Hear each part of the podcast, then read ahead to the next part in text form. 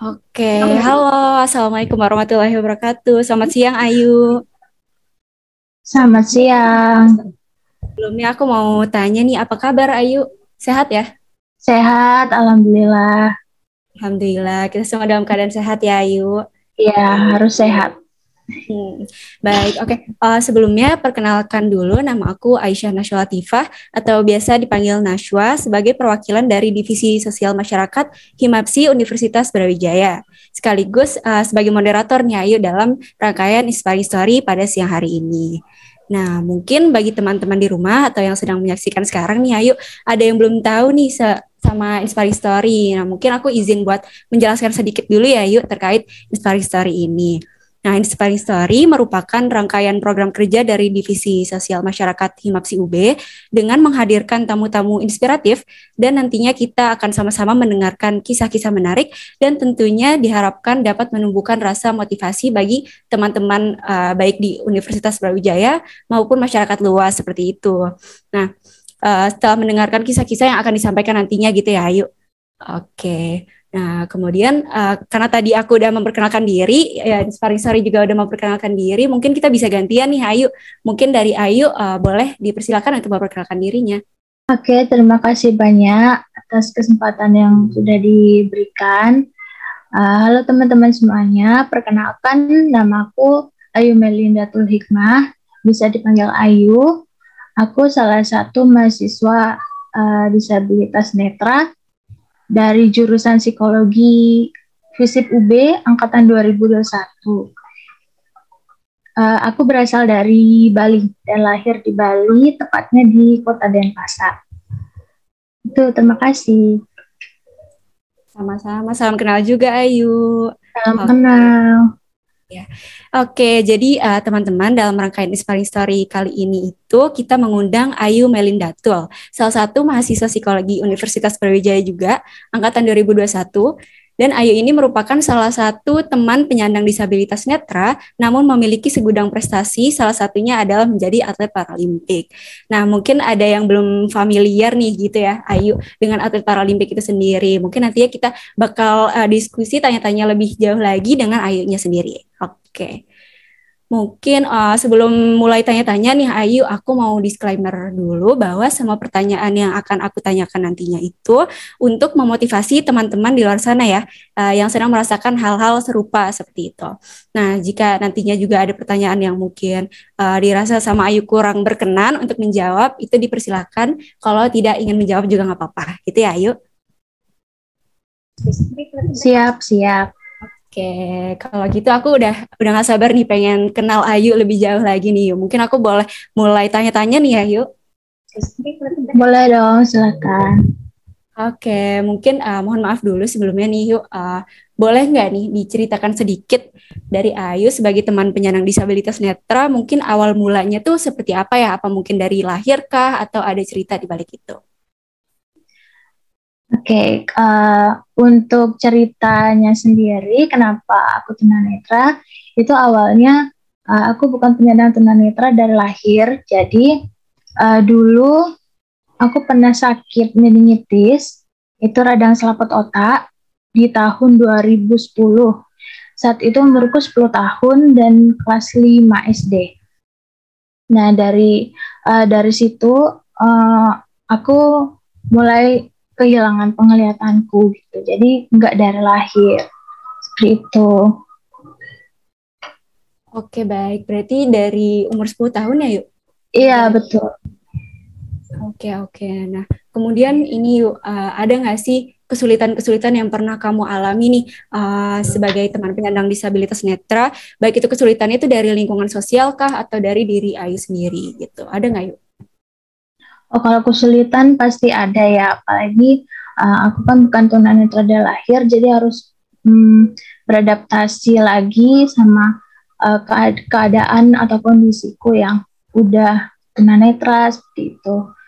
Untuk di lingkungan uh, sosial sendiri sih, pertama ya memang kesulitan ya karena uh, uh, gimana ya, pertama kali tunanetra itu jadi kayak diem di rumah aja, terus nggak berani kayak uh, apa namanya menampilkan diri gitulah di depan orang banyak.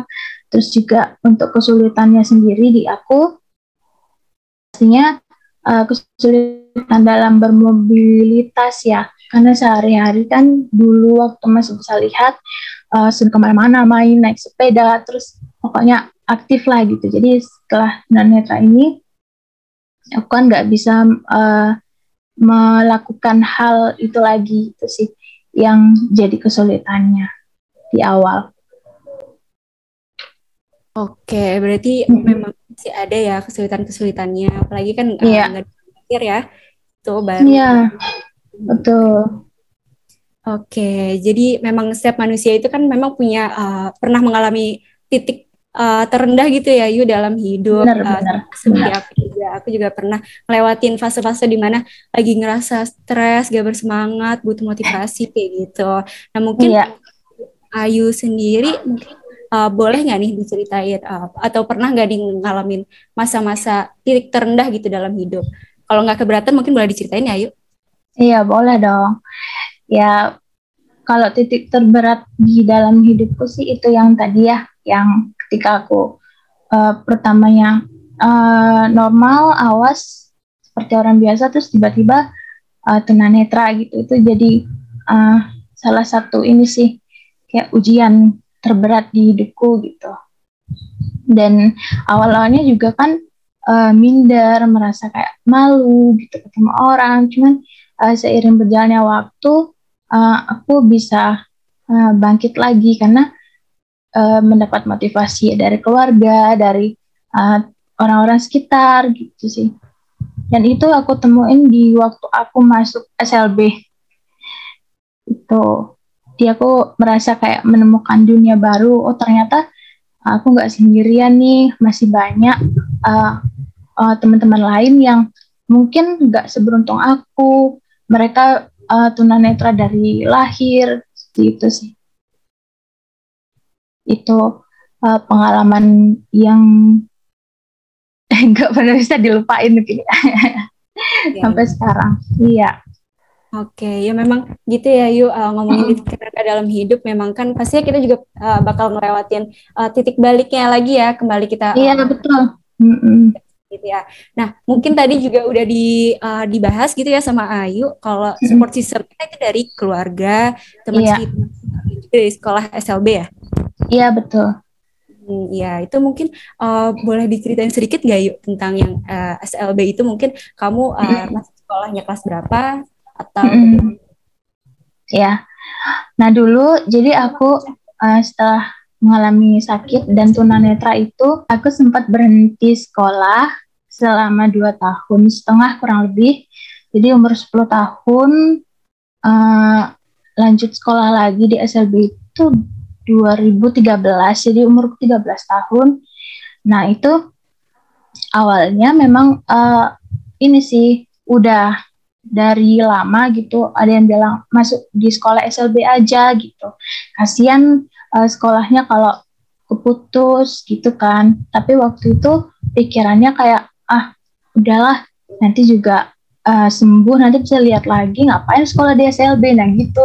Masih pikiran kayak gitu tapi seiring berjalannya waktu, udah setahun lewat, dua tahun lewat, terus dua tahun lebih, kok kayak nggak ada uh, perkembangan yang signifikan gitu di penglihatan. Jadi akhirnya uh, aku mutusin untuk sekolah di SLB di tahun 2013 itu. Nah, pertama masuk di SLB sih uh, beradaptasi lagi ya, karena aku di sana juga uh, menemukan dunia baru aku tahu kalau misalnya uh, disabilitas tuh masih bisa loh beraktivitas. Mereka masih bisa main terus masih bisa bercanda segala macam. Terus uh, ada olahraga juga. Kan kakak-kakak yang di sebelumnya itu kan ada yang atlet. Jadi kayak wah hebat banget nih gitu. Ternyata uh, disabilitas juga bisa uh, berkarya berprestasi seperti itu.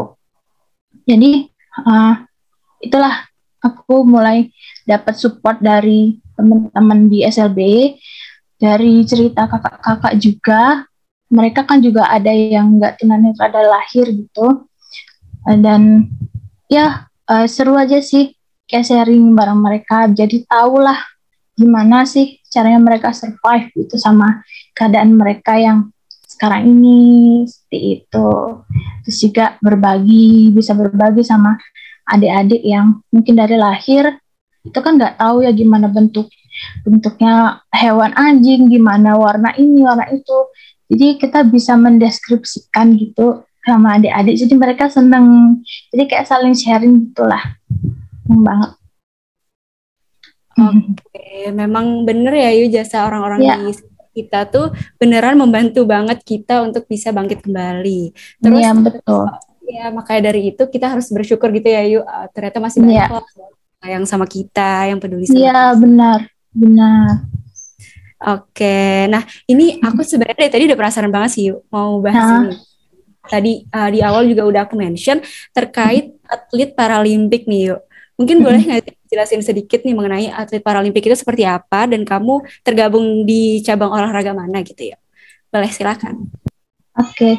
jadi uh, atlet paralimpik itu adalah atlet uh, disabilitas. Di sana ada tunanetra, tunarungu, uh, tuli bisu itu ya, ada grahita juga dan ada daksa.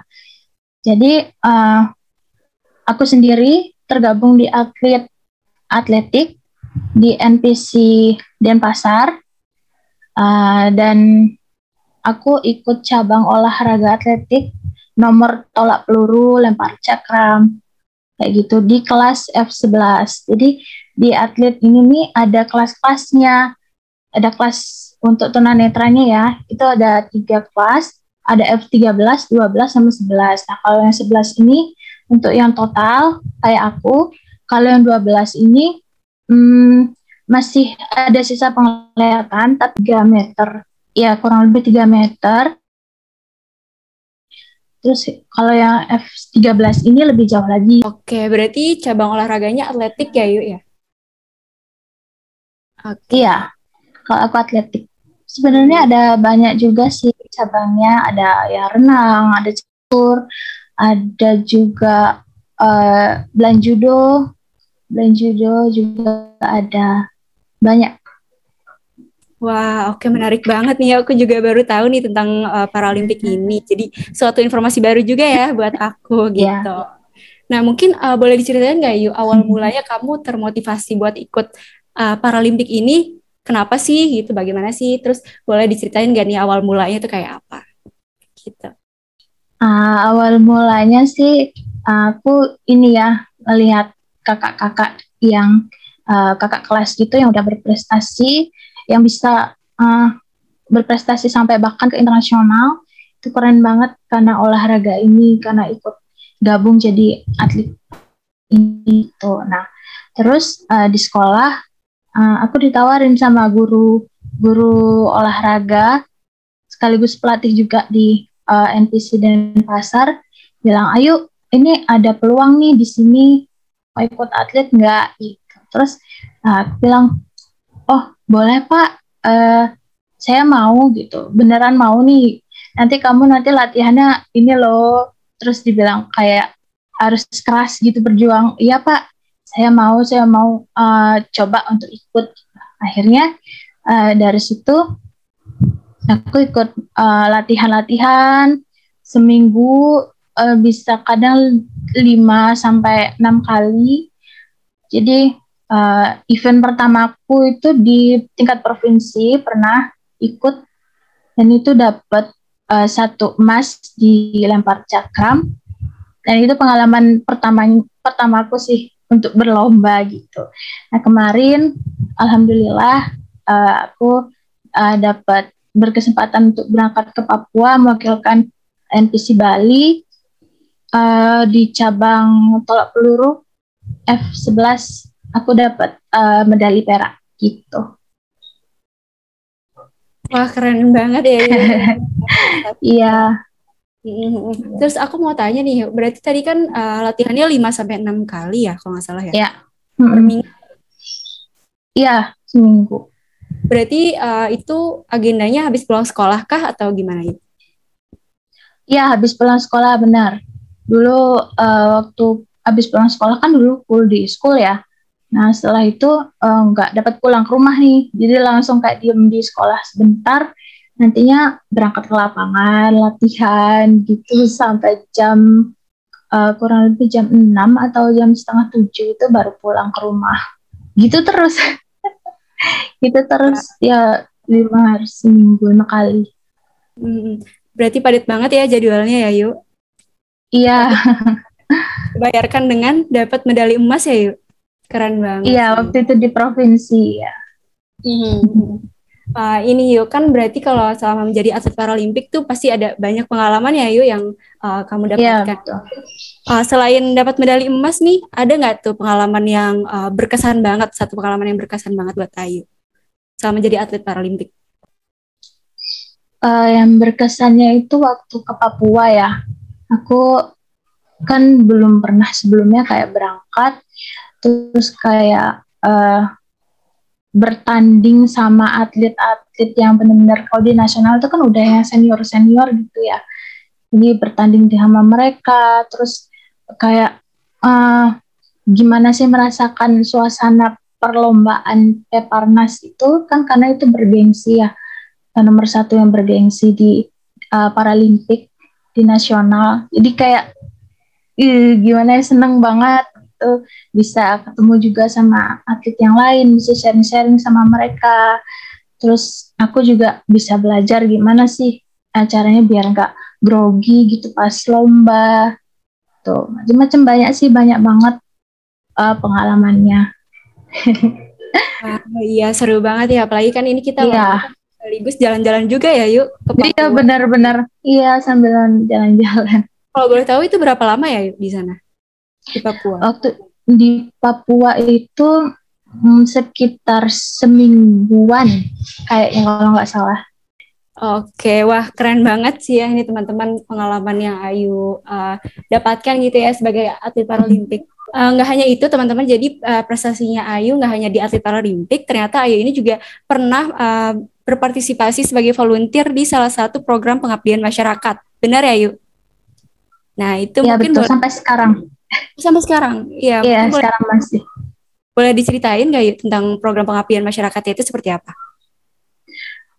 Uh, kalau program yang aku jalani sekarang ini uh, salah satu layanan ya sebuah layanan. Jadi aku tergabung di satu komunitas namanya komunitas sekarang sudah yayasan ya yayasan Teratai. Jadi yayasan Teratai ini uh, apa namanya beranggotakan uh, disabilitas netra semuanya yang dari Bali. Jadi kita uh, mencoba untuk ya berkarya, menghasilkan karya bersama gitu, berorganisasi bersama dengan tujuan kita ingin uh, membangun inklusivitas di Bali gitu harapannya kita. Oke, nah memang itu ya tujuannya untuk membangun inklusivitas ya yuk masyarakat Bali. Nah, mungkin aku juga mau tanya nih, motivasi kamu sebelum masuk ke volunteer pengabdian masyarakat ini tuh karena apa sih, yuk? Gitu, mungkin ada nggak uh, pelajaran juga yang kamu petik setelah mengikuti program tersebut, gitu ya? Ya, nah aku lanjut yang tadi ya. Jadi di Terata ini uh, kita juga tergabung di dalam uh, satu yayasan Bali Bersama Bisa, dan mana Bali Bersama Bisa ini terdiri dari beberapa yayasan dan komunitas di NGO seperti itu dan teratai salah satunya ada satu layanan di uh, itu layanan pencegahan bunuh diri dan kesehatan mental. Jadi uh, kan penasaran nih Hepan itu apa ya gitu. Kita ngapain aja sih terus dikasih info, dikasih training gitu untuk jadi uh, volunteer yang um, menghandle WA, chat WA atau telepon yang masuk dari uh, namanya SU service user. Jadi kita volunteer ini sebagai uh, support body-nya gitu. Nah, banyak banget uh, pengalaman yang aku dapat di mana ini namanya di layanan ini ya. Salah satunya uh, inspirasi aku, motivasi aku untuk gabung di jurusan psikologi karena hmm, di sini itu kan langsung praktek gitu menangani klien jadi tahu kayak menjadi keluhan mereka apa yang menjadi permasalahan mereka. Jadi kita menjadi teman dengar yang baik gitulah buat mereka. Nah dari situ um, aku um, merasa kayak oh menarik nih. Kayak seru aja gitu mendengarkan. Menjadi teman buat mereka di saat tidak ada yang mungkin tidak ada yang mendengarkan mereka seperti itu. Apalagi kalau udah uh, si klien ini bilang makasih ya kak udah bantu. Udah kami udah merasa tenang. Kayak gitu tuh jadi kayak apa ya kepuasan sendiri gitu yang aku rasain. Jadi berangkat dari situ aku tertarik ingin membantulah lebih jauh gimana perilaku manusia itu seperti apa sih. Oke, ya memang benar ya yuk kalau program pengabdian masyarakat itu memang benar-benar berkesan banget. Oke, ya memang benar-benar luar biasa banget ya nih teman-teman prestasi dan pengalaman yang Ayu miliki. Nah, uh, melihat dari deretan pengalaman dan prestasinya Ayu ini nih, yuk aku mau tanya nih, uh, gimana sih caranya Ayu ini dapat uh, mengelola mungkin keistimewaan yang Ayu miliki menjadi kemampuan yang berguna bagi diri sendiri ataupun orang sekitar gitu yuk? Iya, iya. Uh, kalau aku sih ini yang mencoba untuk uh, mencoba untuk selalu belajar terus belajar dengan kekurangan yang aku punya ini uh, aku pengen bisa memberikan sesuatu gitu sama uh, orang lain gimana ya caranya aja aku coba untuk uh, melakukan apa hal apa pun itu yang aku bisa selagi aku bisa uh, handle selagi aku bisa ambil aku lakukan gitu. Terus untuk uh, mengelola itu sih aku juga coba buat sharing-sharing sama teman-teman, sama uh, kakak yang lain juga, karena kan di yayasanku juga juga udah inklusif, jadi kita juga gabung sama orang-orang normal yang lainnya. Jadi itu sih kalau secara garis besarnya aku eh, ya memang benar ya sebaik-baiknya manusia hmm. adalah manusia yang bermanfaat untuk orang lain gitu ya Yu. Betul. Uh-uh. Oke, wah memang, memang benar-benar keren banget nih dari cerita-cerita yang udah Ayu sampaikan tadi gitu ya dari pengalaman-pengalaman kamu. Jujur banget nih aku jadi termotivasi nih Ayu buat uh, lebih berani lagi mengeksplor, mencari pengalaman-pengalaman baru gitu yuk. Ya. ya. Amin. Kita pasti uh, berproses selalu berproses menjadi lebih baik. Betul. Nah sebenarnya masih banyak nih, yuk, masih banyak banget yang pengen aku tanyain lagi ke Ayu, tapi mungkin untuk sesi tanya-tanya hari ini udah selesai nih, yuk. Nah mungkin uh, untuk terakhir ya. sebelum penutupan, uh, ada nggak nih uh, closing statement dari Ayu untuk teman-teman uh, penyandang disabilitas netra lainnya di luar sana ataupun untuk teman-teman yang sedang menonton nih di uh, rangkaian Inspiring Story pada hari ini? Boleh silakan Ayu. Ya, terima kasih uh, Najwa. Aku di sini mau uh, ngucapin terima kasih sebelumnya buat teman-teman Himapsi yang sudah mengundang aku uh, sehingga bisa sharing-sharing bareng teman-teman semua. Pesan aja buat jangan pernah uh, menyerah. Kita harus selalu bersyukur bahwa uh, semua itu pasti semua yang terjadi itu pasti ada hikmahnya. Jadi jangan pernah uh, menyesal dan selalu mencoba untuk menjadi lebih baik lagi. Nah, untuk khususnya untuk teman-teman yang disabilitas, uh, uh, mungkin pesannya juga sama ya, jangan pernah menyerah. Kita harus tunjukkan bahwa kita juga bisa sebagai penyandang disabilitas, kita juga bisa berkarya, kita bisa berprestasi. Uh, tunjukkan bahwa kita juga uh, kita layak hidup uh, mendapatkan hak yang sama seperti eh, orang-orang uh, non disabilitas lainnya gitu. Jadi jangan pernah bosan dan takut untuk terus belajar dan mencoba untuk hal-hal baru yang lebih luas lagi itu untuk menambah wawasan kita tentu saja dan lain sebagainya. Tuh. Intinya tetap semangat, jangan pernah menyerah. Selalu bersyukur. Okay. Terima kasih. Iya, terima kasih Ayu. Kayak gitu ya teman-teman. Iya. Jangan pantang menyerah, kita semua bisa memaksimalkan potensi yang kita miliki asal kita mau berusaha gitu ya Ayu. Oke. Baik, mungkin terima kasih banyak Ayu atas iya, sharing. betul sekali. Oke, terima kasih banyak Ayu atas eh, sharing hari ini Ayu. Mohon maaf juga kalau sama bertanya tadi aku ada salah-salah kata dan harapannya juga cerita dari Ayu barusan itu bisa menginspirasi banyak orang di luar sana ya Ayu. Oke, terima kasih banyak Ayu atas waktunya hari ini. Semoga kita bisa bertemu kembali amin, amin. biar bisa ngobrol-ngobrol. Ya. Oke, terima kasih banyak. Terima kasih banyak juga buat teman-teman yang sudah menyaksikan. Saya Aisyah Nashul Latifah selaku moderator pada Siap. hari hari ini pamit undur diri. Terima kasih banyak. Wassalamualaikum warahmatullahi wabarakatuh. Selamat siang.